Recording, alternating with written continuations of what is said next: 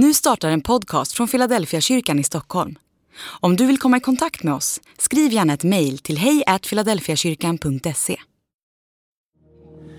Den här söndagen ska jag igen ta er med tillbaka till skapelseberättelsen. Det är ju en av de berättelser i Bibeln som jag faktiskt läser oftast i Gamla Testamentet och som har kommit att betyda otroligt mycket för mig.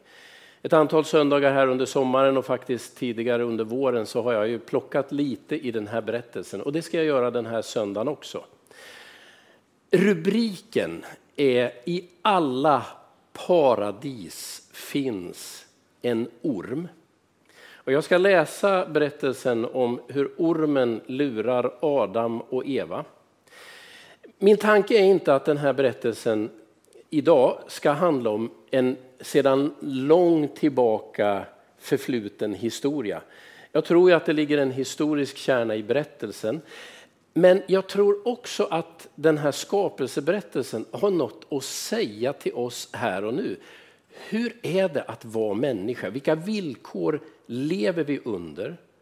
Vilka risker finns för oss? Och därför ska jag bara använda den här berättelsen för att försöka kasta ljuset på ett fenomen som hotar alla oss och som vi alla emellanåt är hotade av. Och rubriken är I alla paradis finns en orm. Men nu läser jag från första Moseboks tredje kapitel. Ormen var listigare var listigast av alla vilda djur som Herren Gud hade gjort. Den frågade kvinnan, har Gud verkligen sagt att ni inte får äta av något träd i trädgården?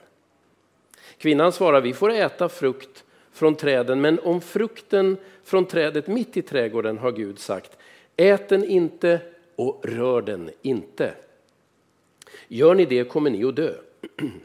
Ormen sa, ni kommer visst inte att dö, men Gud vet att den dag ni äter av frukten öppnas era ögon och ni blir som gudar med kunskap om gott och ont.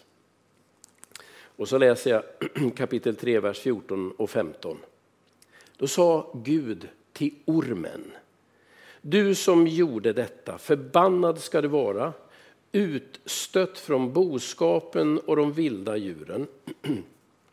På din buk ska du kräla och jord ska du äta så länge du lever. Jag ska väcka fiendskap mellan dig och kvinnan, mellan din avkomma och hennes. De ska trampa på ditt huvud och du ska hugga dem i hälen. Nu har jag en ganska kort inledning, sen kommer fyra punkter om den här ormberättelsen.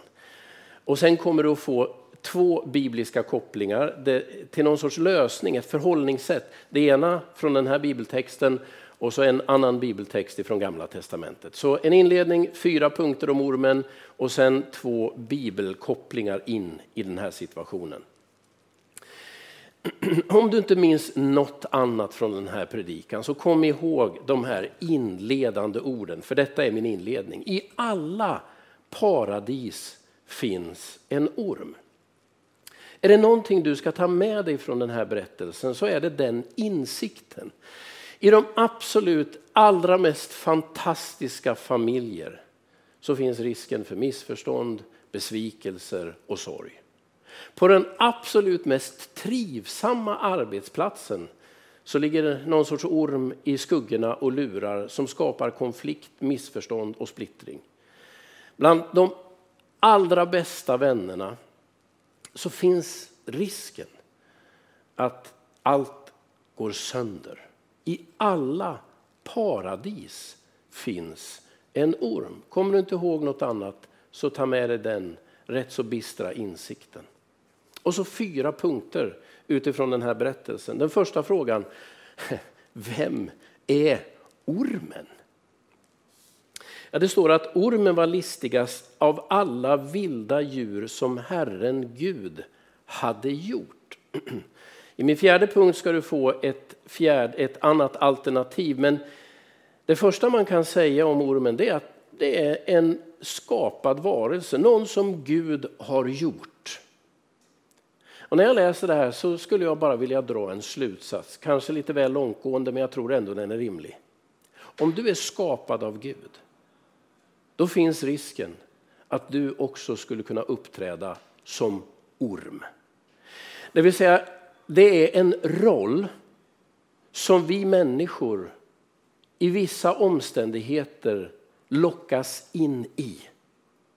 Ah, är du skapad av Gud så är ormrollen en möjlig roll för dig och för mig. Och naturligtvis vill jag direkt säga, undvik den rollen till varje pris. Men insikten säger mig att det finns omständigheter som kan locka fram något ormlikt i oss. Det vill säga i den här berättelsen, i första anslaget, så är ormen en av de skapade varelserna som Gud har gjort. Det skulle kunna vara du, det skulle kunna vara jag. Ja. Det andra jag vill säga om ormen, det är ju att den förgiftar sin omgivning. Det är väl det som gör att vi i många kulturer känner någon sorts instinktiv rädsla för en orm. Den har gift som påverkar nervsystemet. I Sverige finns det ju inga ormar som är direkt dödande, det gör det i andra kulturer. Men ormen har väckt någon sorts instinktiv rädsla hos oss därför att vi vet att det gift som finns det kan förlama oss, det kan skada oss och det kan framförallt skapa enorm smärta. En kollega till mig berättade faktiskt för några år sedan att han blev ormbiten. Han märkte inte det till att börja med. De hade varit ute på någon ö i skärgården, haft en fantastisk dag. Men när han kom hem så såg han att han hade två märken på handen. Han har inte känt någonting, men han såg dem. Och det som hände dagarna som följde var att hela hans arm förlamades. Alltså någonting hände i nervsystemet. Han berättade att han orkade inte ens lyfta en mjölktetra. Till slut så gick han till, till eh, sjukvården och de frågade var han har varit och han berättade och så sa han jag har två märken på handen och direkt så drog läkaren slutsatsen att du har blivit biten av en huggorm. Du märkte inte när det hände men du har upplevt effekten av den.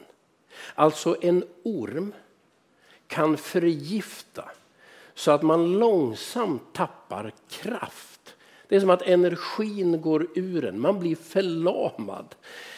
Är det någonting som, som följer ormen i den här berättelsen så är det precis den effekten.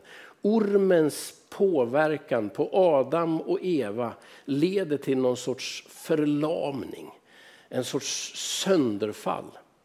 Är det någonting vi ser av ormar i, i de sammanhang där vi finns, bland människor, så är det den här förmågan att förgifta, att försura, att långsamt förstöra. Man märker det kanske inte direkt, men steg för steg kommer man att inse att det är gift i vår gemenskap.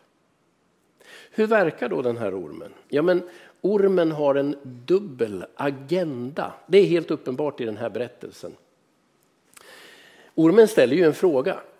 Och naturligtvis har man all rätt att ställa frågor om man undrar någonting. Men ormen ställer inte frågan för att han vill veta.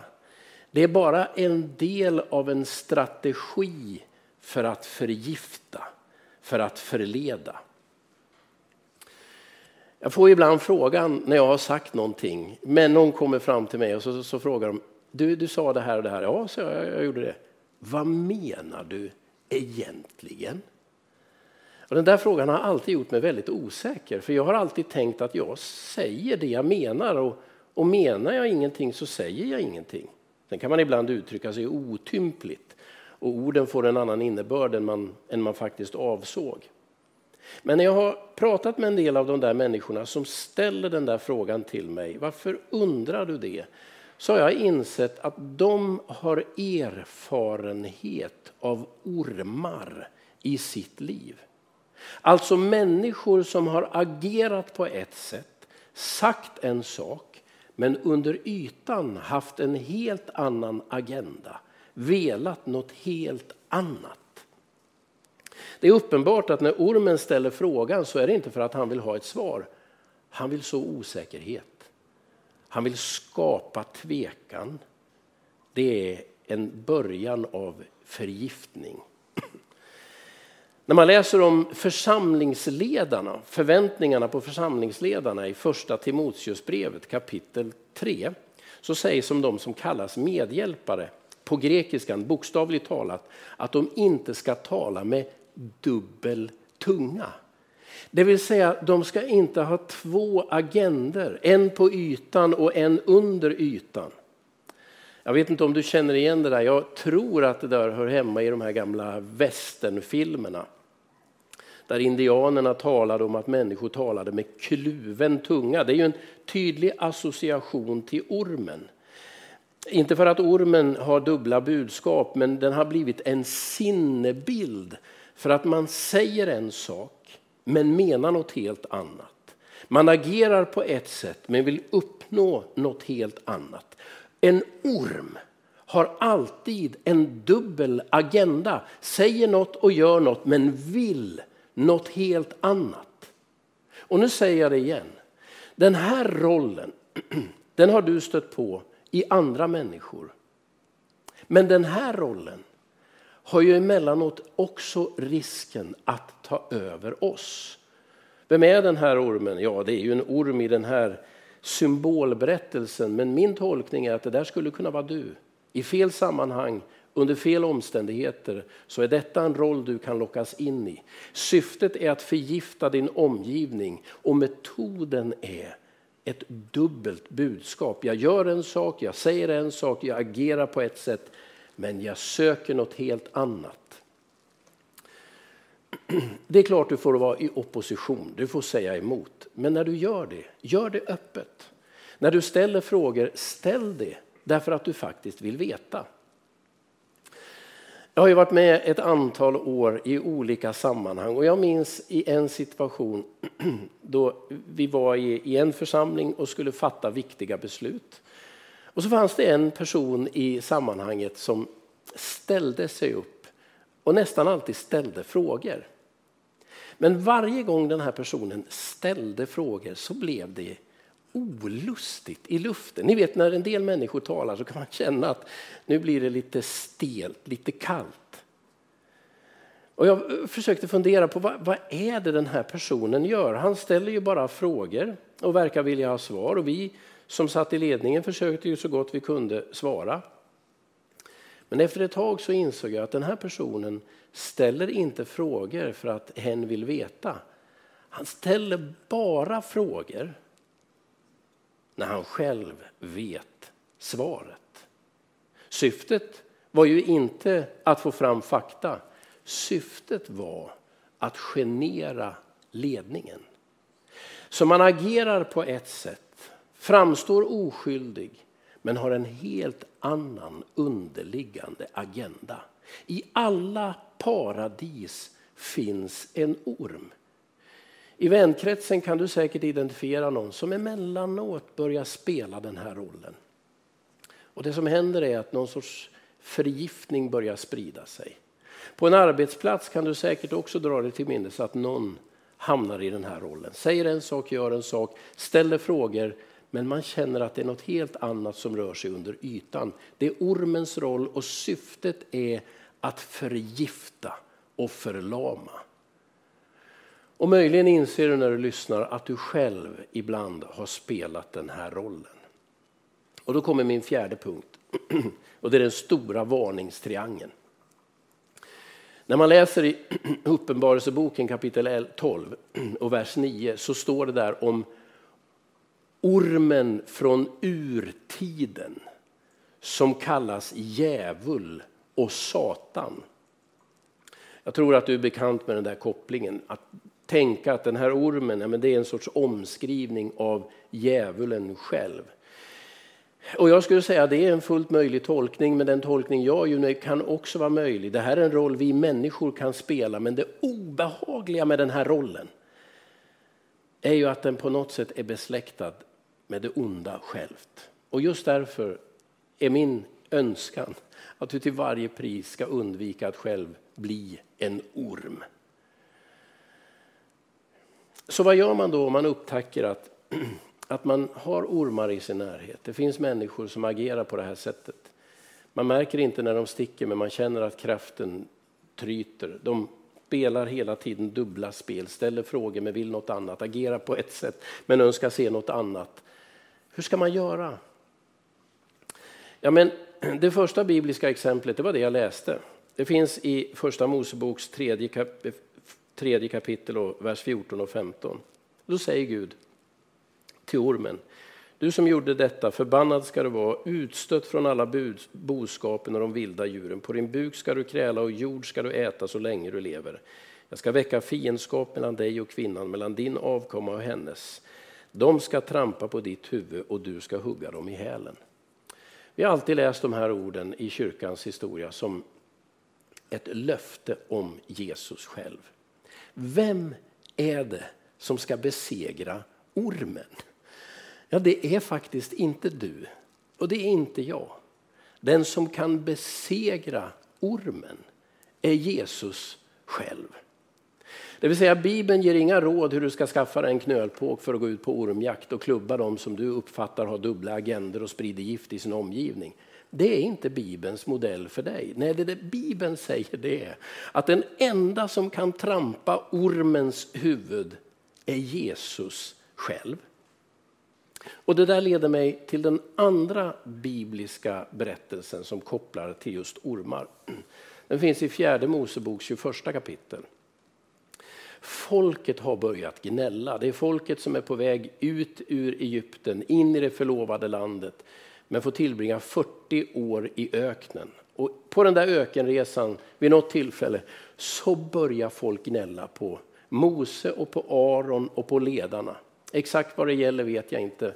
Men det, en, det som händer är att hela lägret invaderas av giftiga ormar. Det där är ju en otroligt träffande beskrivning på vad som händer när gnäll tar över.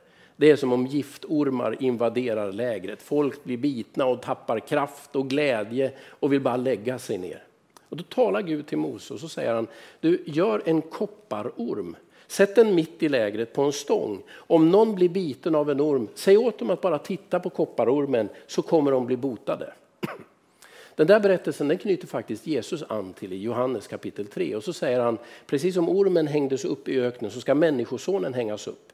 Och det är som att Jesus säger, med koppling till berättelsen i fjärde Moseboks 21 kapitel, att när människor blev bitna av ormar, när ormens gift började ta kraften ur dem och de tänkte jag ger upp, så kunde de lyfta blicken och titta på den där ormen och så blev de bra. På samma sätt säger Jesus, när ormen härjar på din arbetsplats, när ormen infiltrerar kamratgänget, när ormen börjar förgifta dina relationer, vad ska du göra då? Jo, säger Jesus, lyft blicken och titta på mig. Därför att den kraft som går ur honom är starkare än det gift som finns i ormen. De här två bibelberättelserna om löftet om kvinnans säd, som vi ju tror är Jesus, som är den enda som kan krossa ormens huvud, och den där kopparormen som Jesus tillämpar på sig själv. Det blir det, det jag vill skicka med dig idag. Om du, som jag, som jag tror alla människor, emellanåt har insett att jag har blivit biten av en orm. Människor i min närhet har förgiftat mig. Man har haft dubbla agender och jag är lurad. Jag tappar lust och glädje, jag vill inte vara med längre. Då har jag ett råd till dig. Lyft din blick, vänd dig till Jesus. För från honom kommer kraft som är starkare än ormens gift. Jo, du kommer fortfarande känna att det svider, men han är starkare än ormen. Det är inte din roll att avslöja ormen eller krossa ormens huvud. Det får du lämna till Jesus. Så vad är det jag har försökt säga idag? Jo, min tolkning av den här berättelsen är att det faktiskt är en alldeles fantastisk beskrivning av det här finstämda samspelet oss människor emellan. Där det är, är, alltid finns en risk i alla paradis att en orm infiltrerar. Och i värsta fall är det du eller jag som har den rollen. Vi förgiftar vår omgivning, vi kör med dolda agender. Låt bli. Det finns en koppling mot den onde själv. Vad är lösningen då? Jo, det är det som jag ju ganska ofta säger. Inte att ge sig på den människa du betraktar som en orm eller de människor du ser som ormar. utan istället vända dig till Jesus och faktiskt tro att den kraft som går ut från honom kommer att vara starkare än det gift som människor i din omgivning har tryckt in i dig. Och det är min goda tro att den kraften kan du ta emot idag. Nu ber vi tillsammans. Herre Jesus Kristus, bevara oss från att hamna i, i rollen av orm. Och du ser den som sitter idag och känner jag är full av gift. Människor har spelat onda spel med mig och det svider i kroppen. Nu ber jag dig att kraften ifrån dig ska vara starkare än giftet från ormarna. Och bevara oss Herre från att börja spela dubbelspel och förgifta människor i vår omgivning. Låt oss istället vara människor som sprider hälsa, glädje och kraft. Om detta ber vi i Jesu namn. Amen.